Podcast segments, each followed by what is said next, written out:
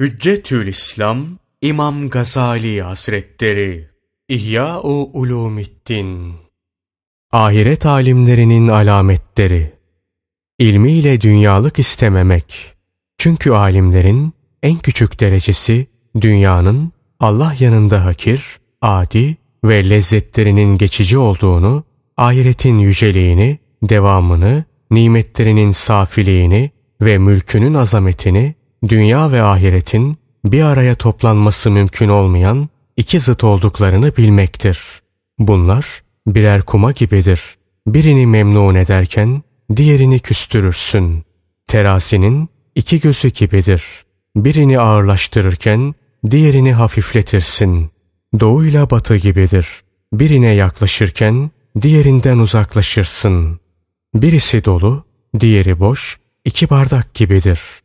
Birinden öbürüne suyu aktarırken diğeri boşalacaktır. Bütün bunları bilmelidir.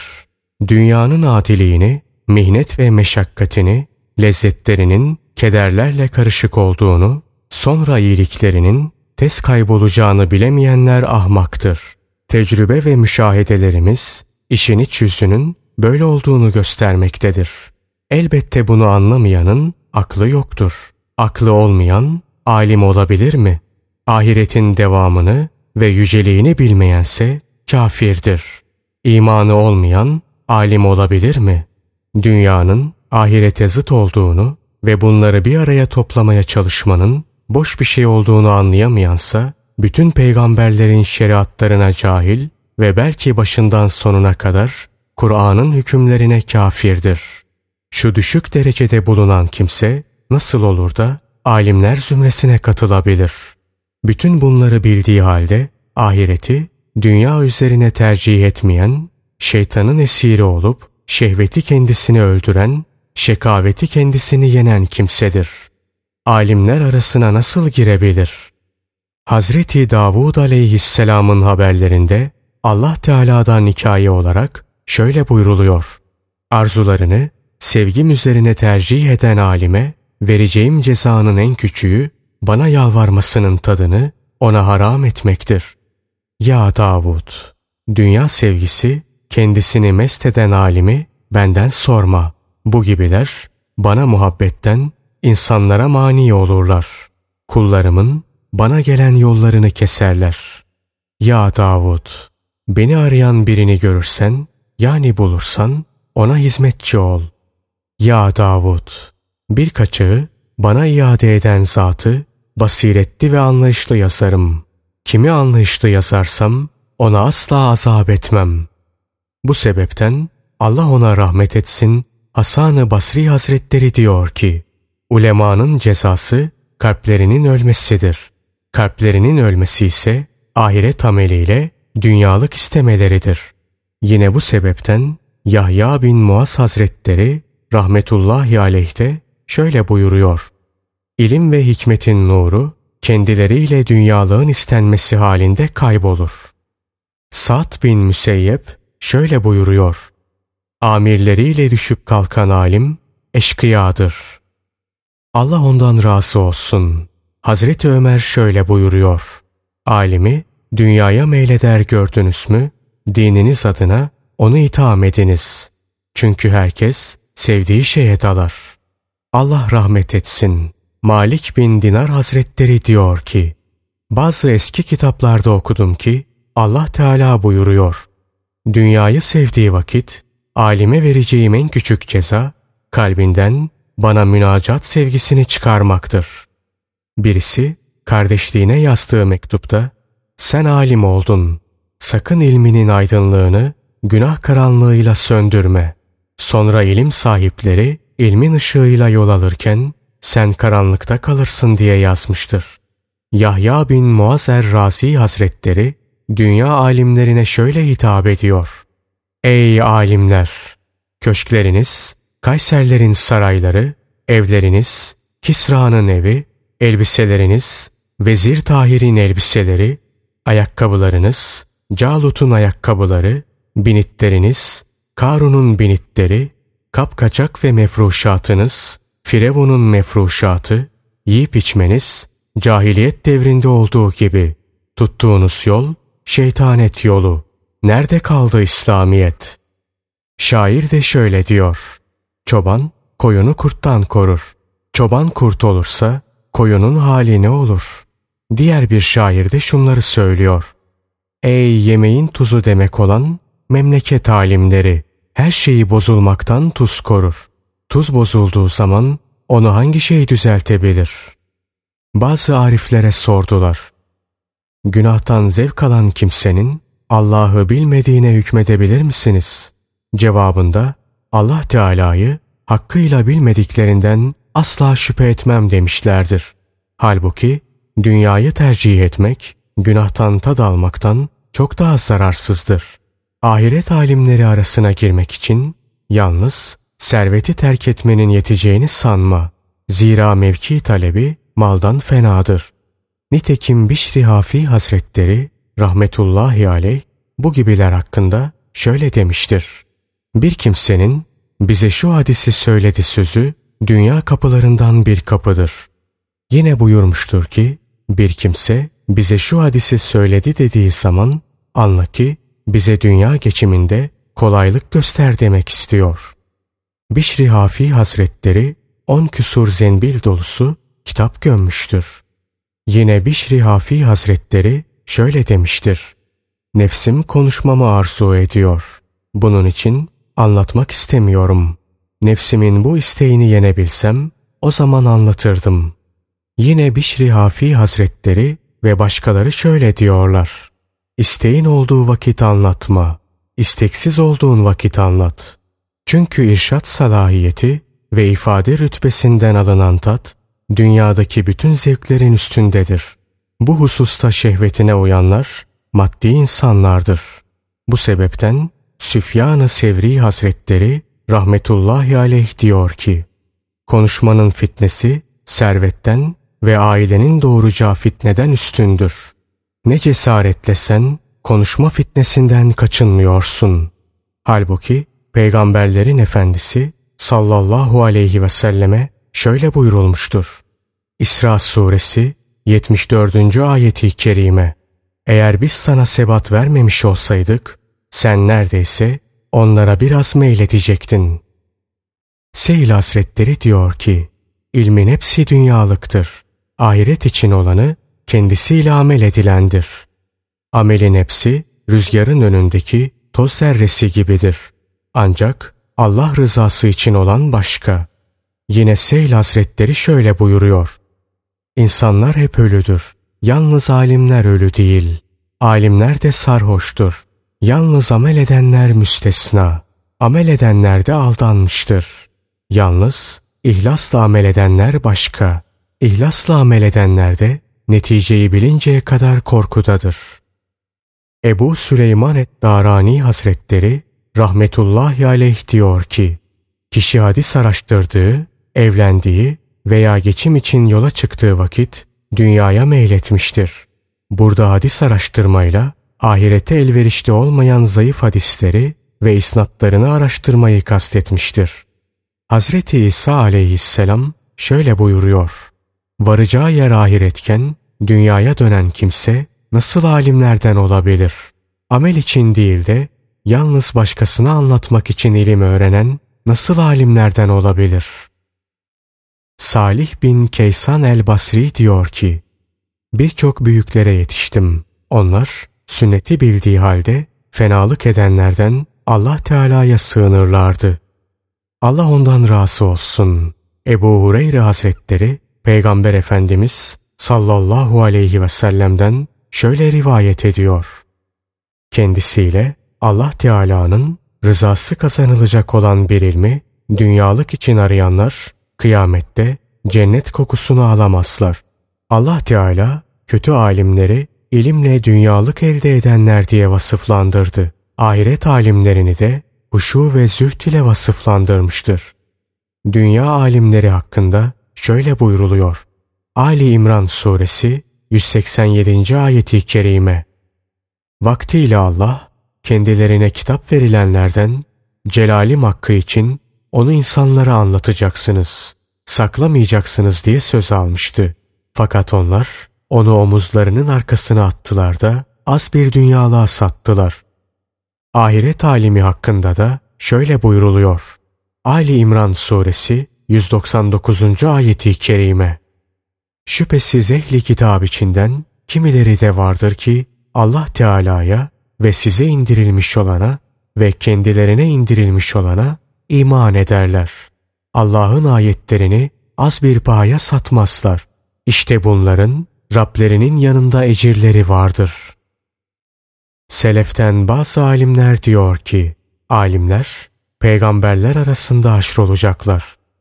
Kadılar ve bilgisiyle dünyalık isteyen fakihlerse padişahlar arasında haşrolacaklardır. Allah ondan razı olsun. Ebu Derda Hazretleri Peygamber Efendimiz sallallahu aleyhi ve sellem'den şöyle rivayet etmiştir.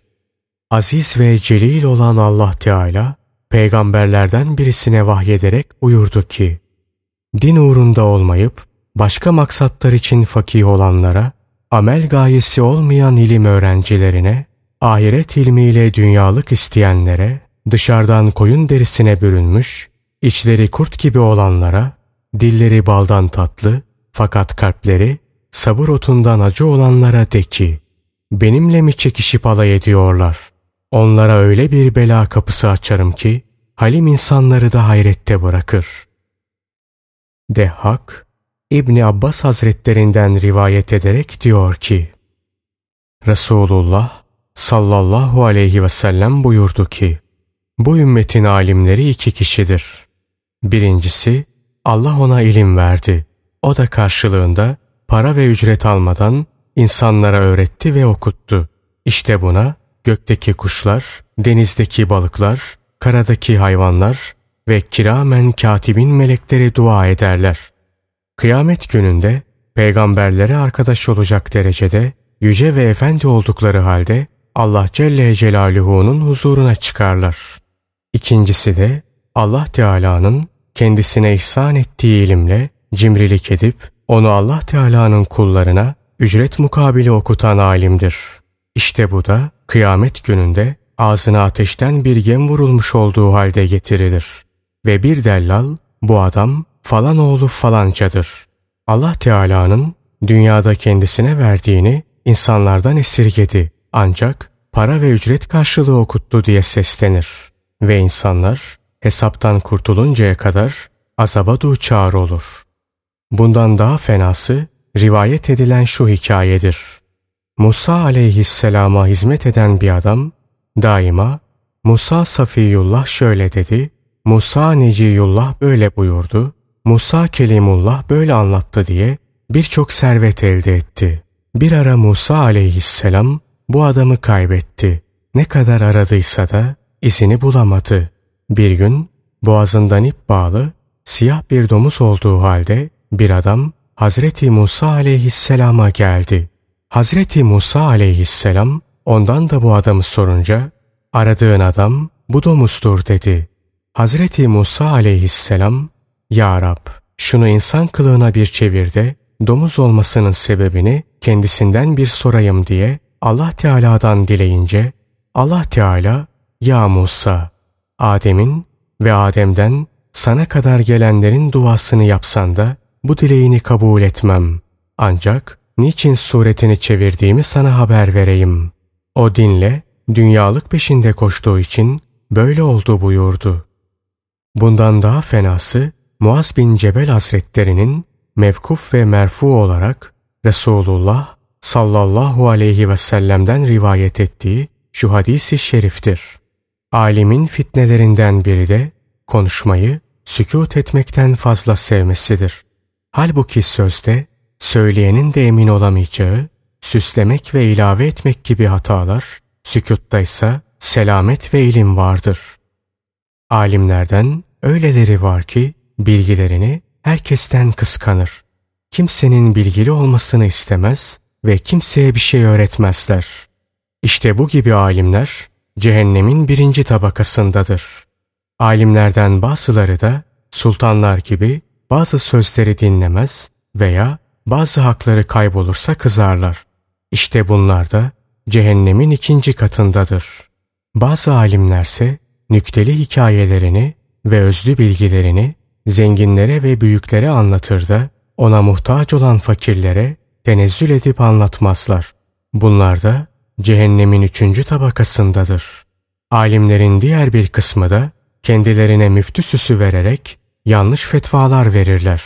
Halbuki Allah Teala bu gibi uydurma fetvalara buğz eder. Bunların da varacağı cehennemin dördüncü tabakasıdır. Diğer bir kısım alimler bilgilerini çoğaltmak için Yahudi ve Hristiyanlarının sözlerini de kendi sözlerine katarlar. Bunlar da cehennemin beşinci tabakasındadır.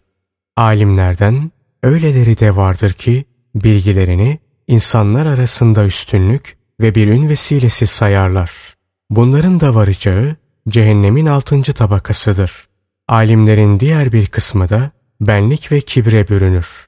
Bazılarında sert davranır, yapılan vaazları dinlemekten çekinirler. Bunlar da cehennemin yedinci tabakasındadır. Kardeşim, o halde sükutu tercih et ki şeytana sükut ile galebe çalarsın. Boş yere gülmekten ve lüzumsuz yere gitmekten sakın. Diğer bir hadiste de şöyle buyruluyor. Bazı kimselerin methu senası şarkla garbı doldurduğu halde Allah Celle Celaluhu katında sivrisineğin kanadı kadar değer taşımaz.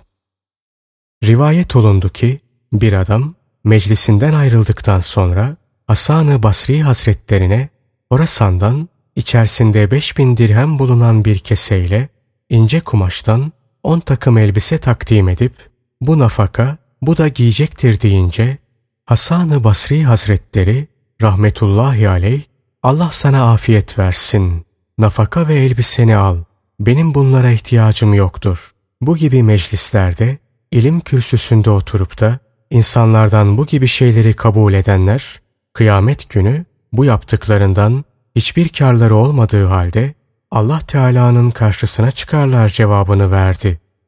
Allah ondan razı olsun. Hazreti Cabir'den mevkuf ve merfu olarak Hazreti Peygamber sallallahu aleyhi ve sellemin şöyle dediği rivayet ediliyor. Her alimin meclisinde oturmayın.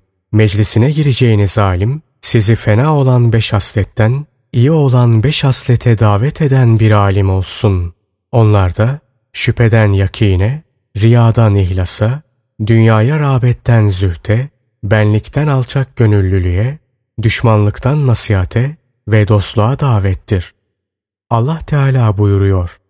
Karun, bütün zinetleriyle kavmine çıktı. Onun bu ihtişamını görüp, dünyalık isteyenler, ne olurdu? Karun'a verilen mal gibi, bize de verileydi. Onun büyük nasibi vardır derler. Buna karşılık, ilim sahipleri, yazık size, iman edenlere, Allah Teala'nın vereceği mükafatlar daha hayırlıdır derler. Allah Teala ilim ehlini ahireti dünyaya tercih edenler diye tarif etmiştir. Ahiret alimlerinin alametlerinden birisi de işinin sözüne uymasıdır. Kendisi yapmadığı şeyi başkasına buyurmamasıdır.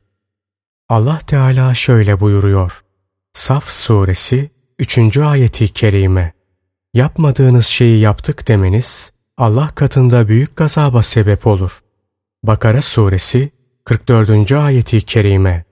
Kendinizi unuttuğunuz halde insanlara iyiliği mi emredersiniz?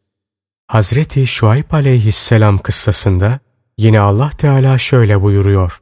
Hud suresi 88. ayeti kerime. Sizi nehyettiğim, yapmayın dediğim şeyde sizden ayrılmayı düşünmedim. Ben de sizinle beraber yapmıyorum. Bakara suresi 282. ayeti kerime. Allah'tan korkun. Allah size ilim öğretiyor. Bakara suresi 196. ayeti kerime. Allah'tan korkun ve bilin ki Maide suresi 108. ayeti kerime. Allah'tan korkun ve iyi dinleyin. Allah Teala Hazreti İsa aleyhisselama Ey Meryem'in oğlu! Önce kendine vaaz et. Kendin söylediğini yapıyorsan, ondan sonra insanlara vaaz edersin. Yoksa benden utan buyurmuştur.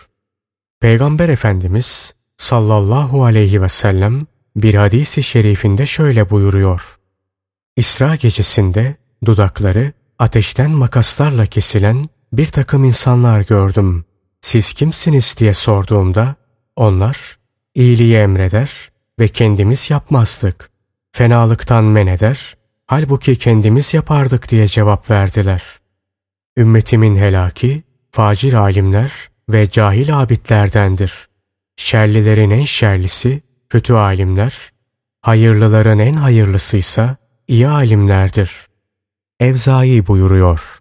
Mezarlar, kafirlerin pis kokusundan şikayetçi olduklarında Allah Teala onlara şöyle vahyetti. Kötü alimlerin içi sizin içinizdeki cesetlerden daha kötü kokuyor.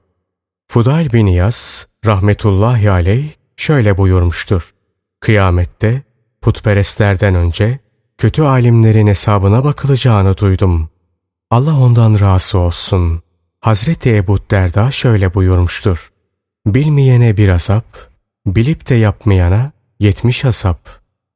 Şabi diyor ki, kıyamette bir kısım cennetlikler bazı cehennemlikleri ziyaret eder ve sizin okutup terbiye etmeniz sayesinde Allah Teala bizi cennete koyduğu halde siz cehenneme ne sebeple konuldunuz diye sorarlar.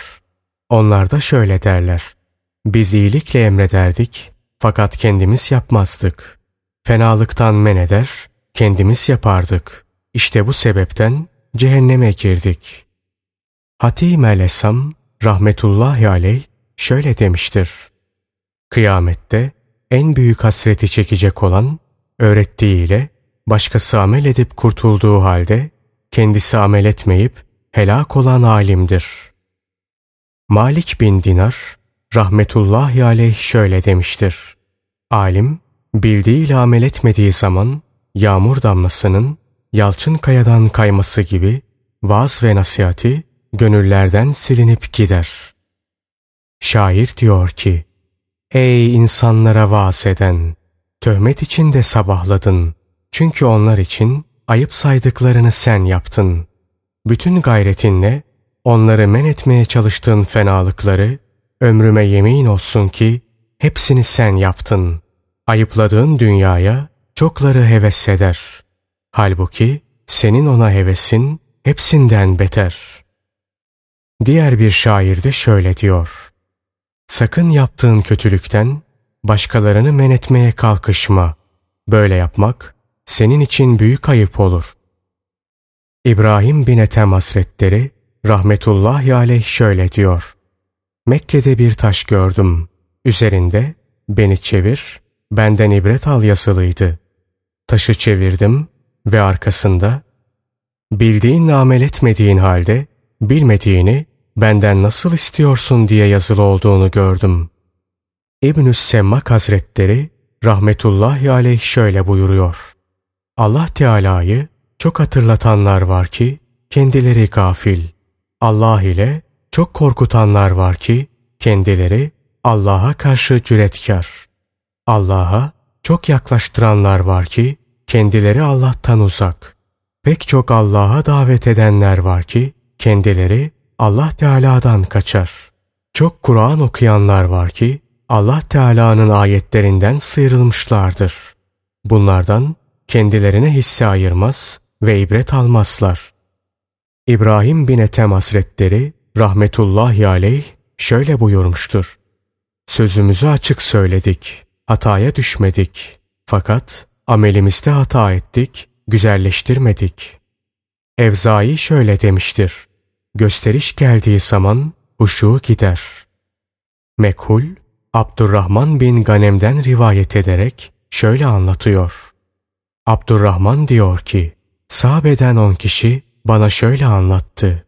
Kuba mescidinde ilim müzakere ederken Resulullah sallallahu aleyhi ve sellem çıka geldi ve buyurdu ki, İstediğiniz kadar okuyun, bildiğinizle amel etmedikçe Allah Teala size mükafat vermez. Hazreti İsa aleyhisselam şöyle buyurmuştur. İlmiyle amel etmeyenler, gizli zina edip, aşikare doğurmak suretiyle rezil olan kadınlara benzerler. İlmiyle amel etmeyenleri, kıyamet gününde bütün yaratıkların huzurunda Allah Teala rezil eder. Allah ondan razı olsun. Hazreti Muaz şöyle der. Alimin sürçmesinden kaçının. Çünkü alimin insanlar yanında büyük bir mevkii var. Onu örnek tanır, bu hatasında da ona uyarlar ve hepsi hataya düşerler. Allah ondan razı olsun. Hazreti Ömer şöyle buyurmuştur. Alim hataya düştüğü zaman alemden bir cemaatte onunla hataya düşer. Yine Hazreti Ömer şöyle buyurmuştur. Zamanın bozulması üç sebepledir. Bunlardan biri de alimin hataya sapmasıdır. Allah ondan razı olsun. İbni Mesud Hazretleri buyuruyor ki, bir zaman gelecek, insanlarda samimiyet kalmayacak. İmanın verdiği zevk bozulacak. İşte o zaman okutan da, okuyan da ilimden fayda görmeyecek. Ve alimlerin kalpleri tuzlu, çorak yer gibi olacaktır.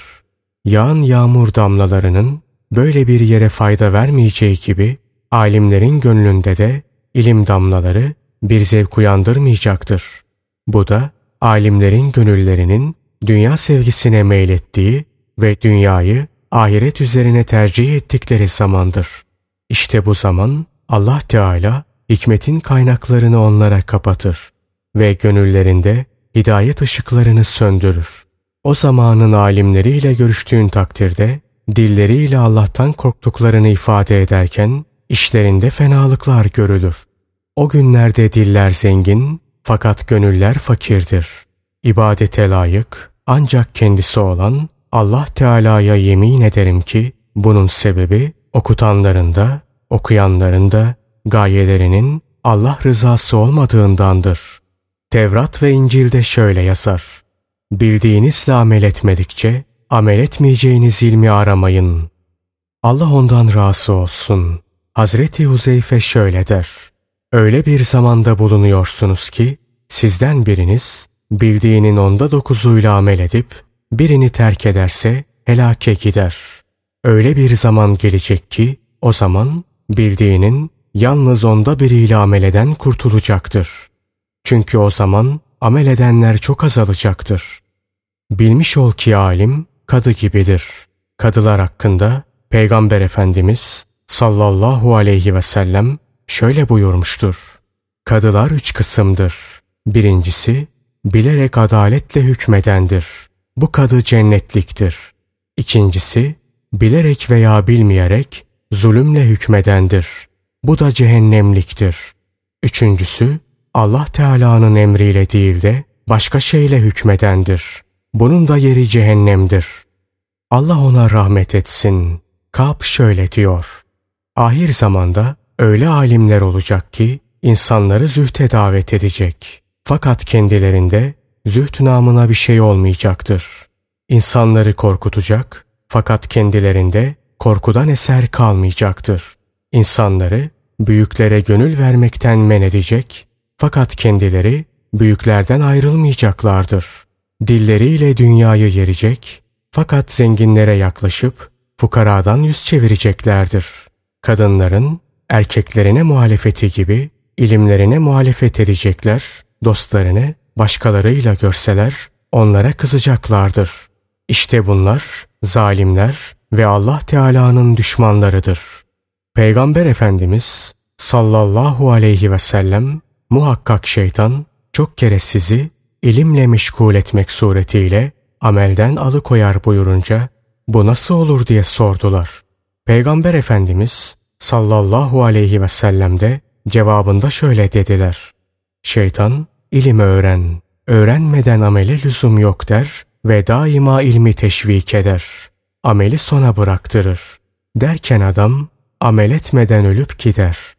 Seri Yüz Sakati Hasretleri rahmetullahi aleyh diyor ki, ilmi zahire haris olduğu halde onu terk ederek ibadet için uzlete çekilen bir zata bunun sebebini sordum.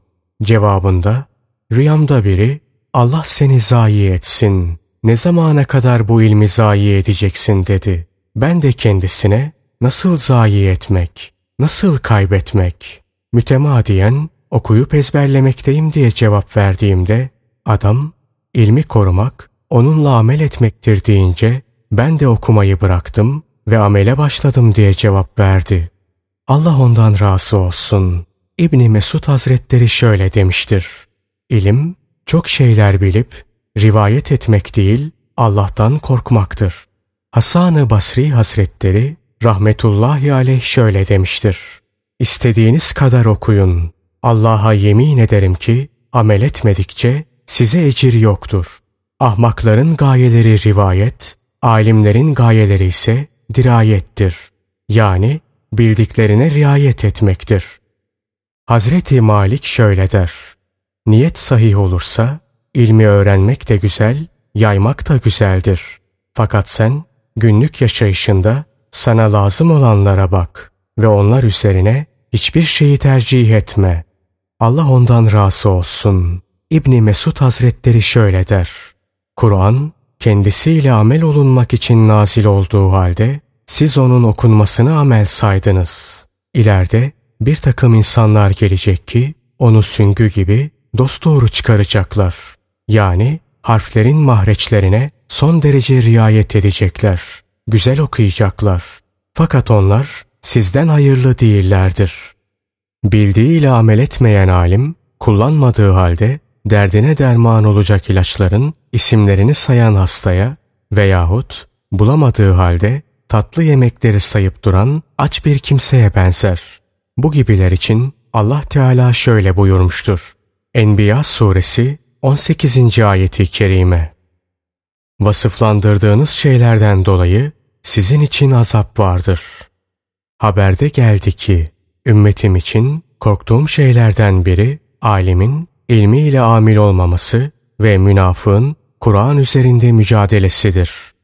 Ahiret alimlerinin alametlerinden biri de dedikodusu, mücadelesi çok, faydası az olan ilimlerden kaçınıp taati teşvik eden ve ahirette kârı olan ilimleri öğrenmektir. Ameli teşvik eden ilimlerden yüz çevirip mücadele ilimleriyle uğraşan, dar vakitte mütehassıs tabibi bulan hastanın kendi hastalığını bırakıp da tıbbın inceliklerinden ve ilaçların hastalarından bazı şeyler sormakla tabibi meşgul etmesine benzer. Bu ise sırf ahmaklıktır. Rivayet olundu ki Resulullah sallallahu aleyhi ve selleme biri gelerek ''Ey Allah'ın Resulü bana garip ilimlerden öğret.'' dedi. Peygamber Efendimiz sallallahu aleyhi ve sellem de ilmin esasından ne biliyorsun diye sordu. Adamcağız ilmin esası nedir diye sorunca Peygamber Efendimiz sallallahu aleyhi ve sellem Allah Teala'yı biliyor musun diye sordu. Adam biliyorum dedi. Resulullah sallallahu aleyhi ve sellem o halde Allah'a karşı ne kulluk ettin? Adam Allah'ın dilediğini dedi. Resulullah sallallahu aleyhi ve sellem ölümü bildin mi diye sordu. Adam bildim dedi. Resulullah sallallahu aleyhi ve sellem ölüm için ne hazırladın diye sordu.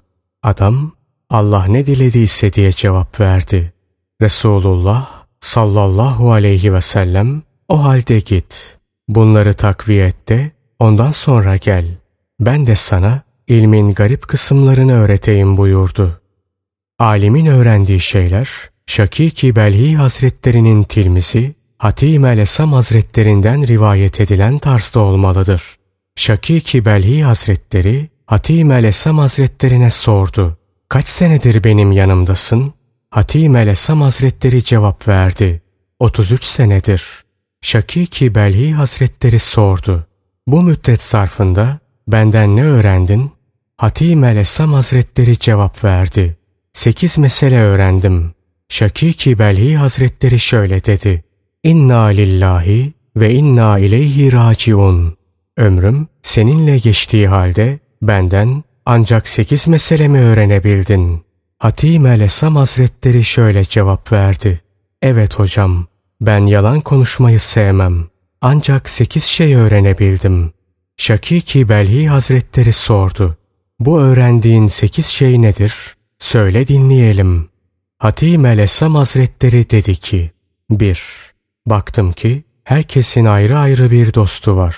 Fakat bütün dostlar Nihayet mezar başından geri döndüğü için ben hiçbirine güvenmedim. Ancak mezarımda da bana arkadaş olacak iyi amelleri kendime dost seçtim.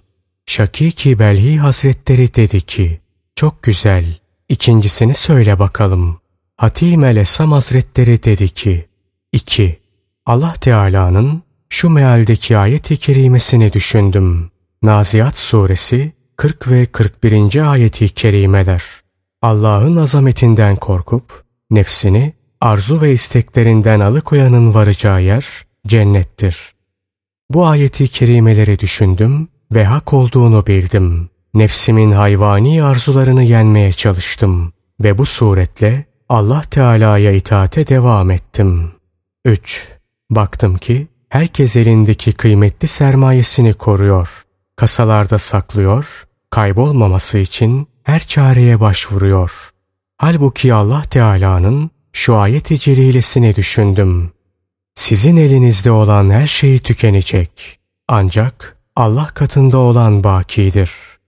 Ve ben de kaybolmaması için kıymetli kabul ettiğim bütün varlığımı Allah Celle Celaluhu'ya emanet ettim. Onun rızası uğrunda harcadım. 4.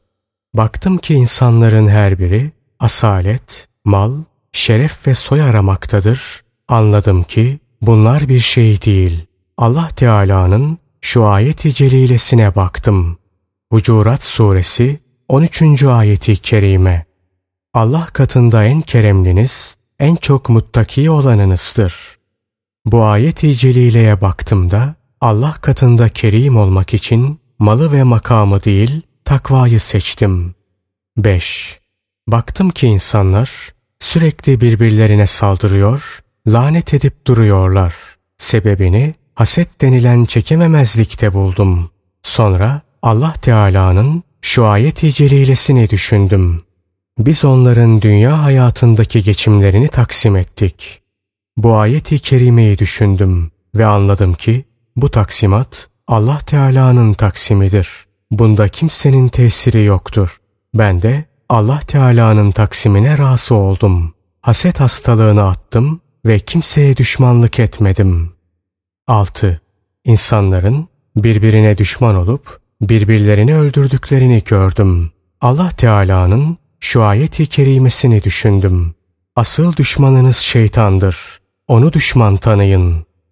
Bu ayet-i kerimeyi düşündüm ve asıl düşmanın şeytan olduğunu anlayınca yalnız onu düşman tanıdım ve başka kimseye düşmanlıkta bulunmadım. 7. Baktım ki insanlar şu bir lokma ekmek için helal haram demeden her türlü zillete katlanıyorlar. Allah Teala'nın şu ayet-i kerimesini düşündüm.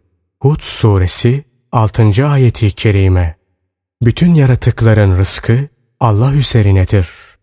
Bu ayet-i kerimeyi düşündüm. Benim de bu canlı varlıklardan biri olmam sebebiyle rızkıma Allah Teala'nın kefil olduğunu anladım. İsteklerime bakmadan Allah Teala'nın bende olan hakkıyla meşgul oldum. 8. Baktım ki insanlardan bir kısmı servetine, ticaretine, bir kısmı sıhhatine olmak üzere kendileri gibi bir yaratılmışa güvenmekte ve ona bel bağlamaktadır. Allah Teala'nın şu ayeti kerimesini düşündüm. Talak suresi 3. ayeti kerime. Allah'a tevekkül edene Allah yeter. Bu ayeti kerimeyi düşündüm ve ben de fani olan başka şeylere değil ancak Hazreti Allah'a tevekkül ettim ve ona bağlandım. O bana yeter. İşte senden öğrendiklerim bunlardır dedi. Bunun üzerine Şakiki Belhi Hazretleri rahmetullahi aleyh şöyle dedi. Ey Hatem! Allah seni muvaffak etsin. Doğrusu ben Tevrat, İncil, Zebur ve Kur'an-ı Azim'i inceledim.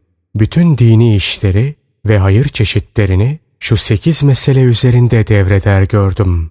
Şu sekiz esasa riayet eden dört kitabın hükmüyle amel etmiş olur.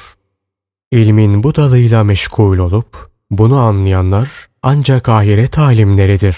Dünya alimleri ise güçleri yettiği kadar mal ve makam elde etmekle meşgul olur da Allah Teala'nın peygamberleri vasıtasıyla tebliğ ettiği ahiret ilimlerini ihmal ederler. Dahhak bin Muzahim şöyle demiştir. Ben onlara, o ahiret alimlerine yetiştim. Onlar birbirlerinden ancak takva ve verağı öğrenirlerdi.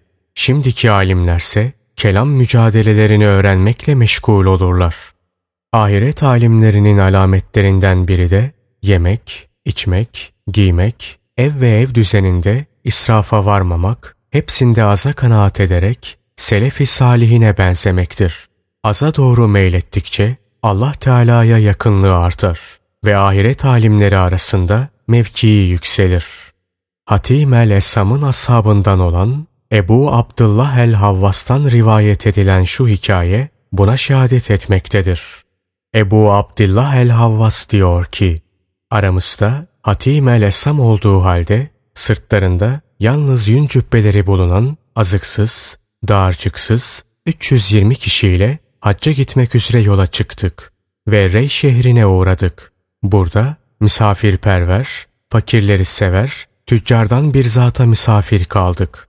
Bizi ağırladı. Sabah olunca Hatim el Esam hazretlerine burada hasta bir fakih var. Onu ziyarete gideceğim. Arzu ederseniz siz de teşrif edebilirsiniz dedi. Hatim el Esam hazretleri şöyle dedi. Hastayı ziyaret sevap, fakihin yüzüne bakmaksa ibadettir. Siz kabul ettikten sonra ben de gelirim. Hasta olan zat da rey kadısı olan Muhammed bin Mukatil'di. Evin önüne geldiğimizde baktık ki mükemmel bir konak. Bunu gören Hatim el Esam Hazretleri hayret ederek alim bir zata mütevazı bir ev kifayet ederdi diye kendi kendine söylendi. İçeri alındılar. Mefruşatla süslenmiş, geniş bir sofayı gören Hatim el Esam Hazretleri'nin hayreti biraz daha arttı. Nihayet yatak odasına kabul edildiklerinde Hatim el Esam Hazretleri baktı ki hasta yumuşak bir döşek üzerinde yatıyor. Başı ucunda duran hizmetçisi ise elindeki yelpazeyi sallıyor.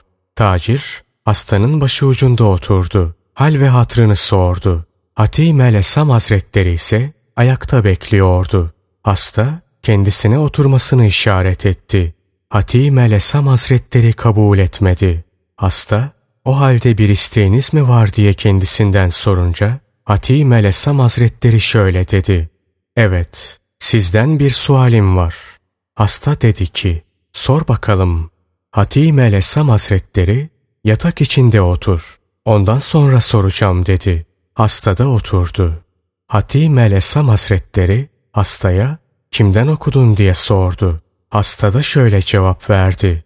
Büyük alimlerden, onlar da Resulullah sallallahu aleyhi ve sellemin ashabından. Hatim el Esam Hazretleri sordu. Onlar kimden aldı? Hasta şöyle cevap verdi.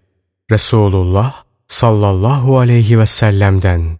Hatim el Esam Hazretleri sordu. Resulullah sallallahu aleyhi ve sellem kimden aldı? Hasta şöyle cevap verdi.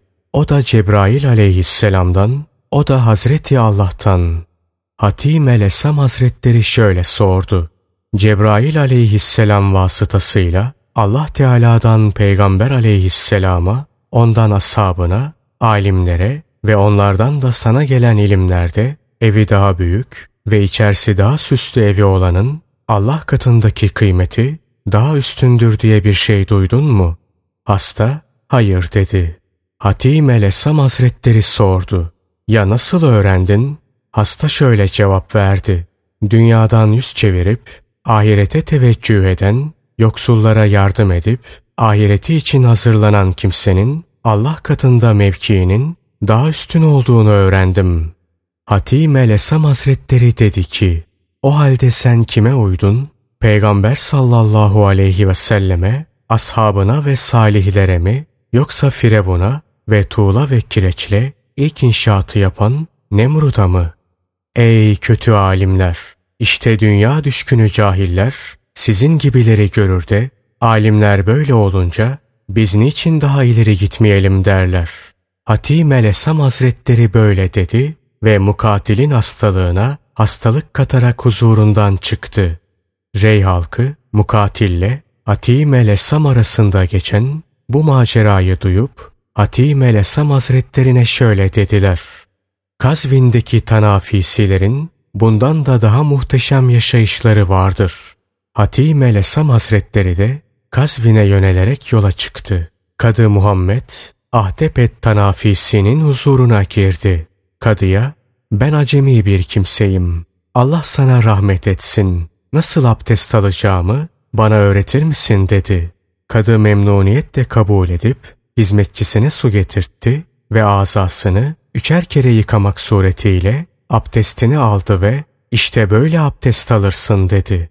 Hatime Lesam Hazretleri dur müsaade et gözünün önünde ben de bir abdest alayım deyince tanafisi kalktı.